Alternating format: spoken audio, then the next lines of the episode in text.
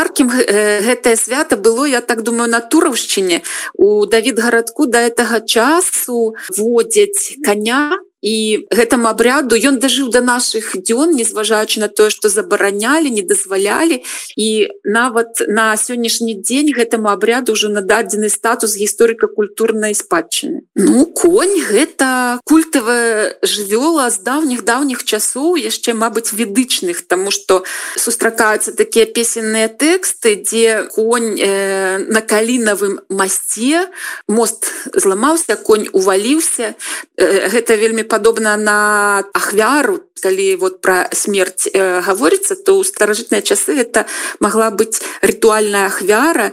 І з розных частак коня паўсталі у іншых тэкстах паўсталі там нейкія праявы. І конь мае белыя капыцы вось грывай поле засцілай то есть это такая жывёла ў тэкстах вельмі часто сустракаецца і такі цудоўны да цудоўны памочнік жениха і ў калядках спяваецца пра гэта ў шчадроўках. І менавіта у Давід гарадку захаваўся вот это абряд ваджэння коня. Коня рабілі рознымі спосабамі маглі рабіць пры дапамозе старых кошыкаў якія ўтваралі як бы ребры і кі накідвалі нейкі тэкстыльны выраб. І ну калі чалавек гэта на сябе апранаў то быў падобны на вершніка а другі спосаб быў калі два чалавекі станавіліся адзін э, нагінаўся браў за сярэдзіну тулава другога на яго накідвалі посцілку. І ну гэты два чалавекі яны таксама як бы уяўлялі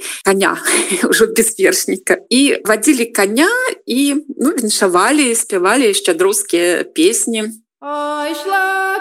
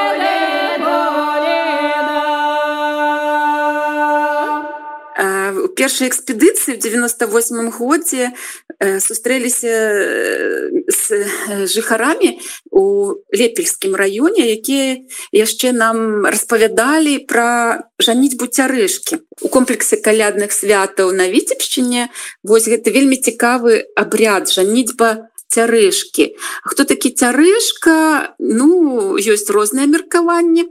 Але ж гэта Мабыць быў такі абряд сацыялізацыі моладзі. Калі хтосьці нясмелы сам не мог там ажаніцца то вот грамадства дапамагала праз гульню знайсці сабе пару. А мы знайшлі толькі звесткі пра тое што вот пэўныя людзі былі там бабай дедам Вось як гэта праходзіла музыкі былі музыку гралі запісалі шмат вот прыпевак якія трэба было падчас гэтага абраду спяваць і поехали узімку дамовіліся поехали на жаніць буцярэшкі раз поехали другі раз. Урэшце рэшт гэты абряд аднавіўся ему таксама зараз нададзены статус гісторыка-культурнай каштоўнасці. Ну у цэлым шмат падобнага паміж абрядамі але ж ёсць некаторыя рысы адрозныя. Вось гэты абряд жаніць бацярэшкі вот эта гульня яна толькі на віцебшчыне існуе. На міншчыне это таксама як бы ўжо цэнтральная Беларусь боль бліжэй да поўначы там каляду праводзілі провады каляды на дуб праводзілі як бы нейкія рытуальныя рэчы барану везлі за вёску зацягвалі на дува і такім чынам праводзілі каляду вот такія вот нейкія асобныя моманты абрядавыя дзеянні на палесе вельмі яркім было шчадраванне менавіта 13 студзеня.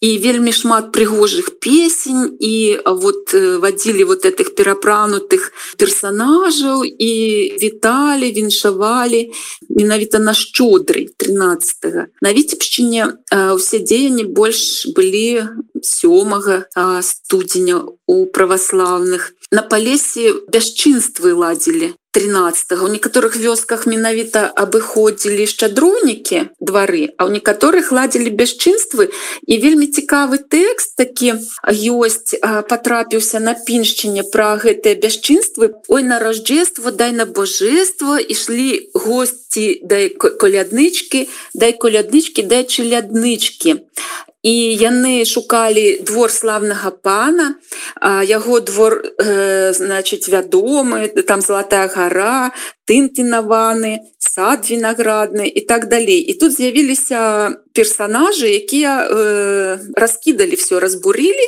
сад вінаградны паламалі разныя птахи падпудвалы ну карацей стварлі нейкія бясчынствы все разбурілі ўвесь свет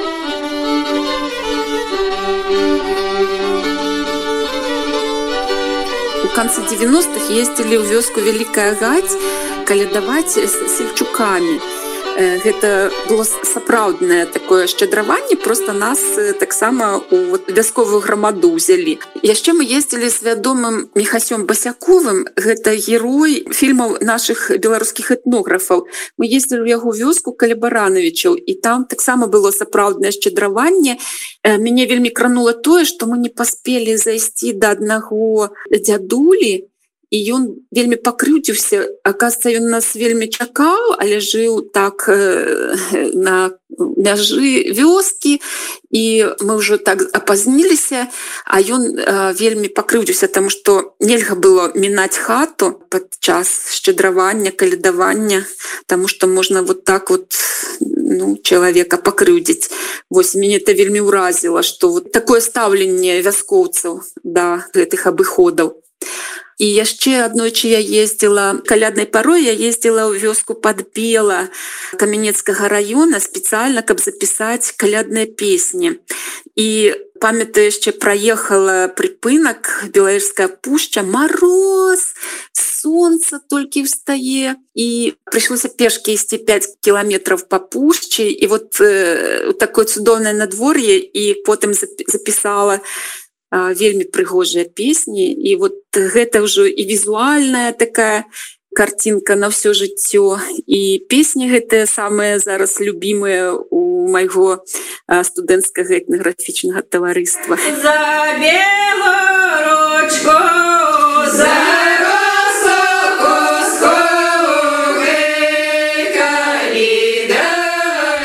свет беларускай традыцыі мы сёння рушылі разам з этнолагам ірынай мазюк шануйце ведаеце сваю спадчыну з вами была Аліна крамко yeah!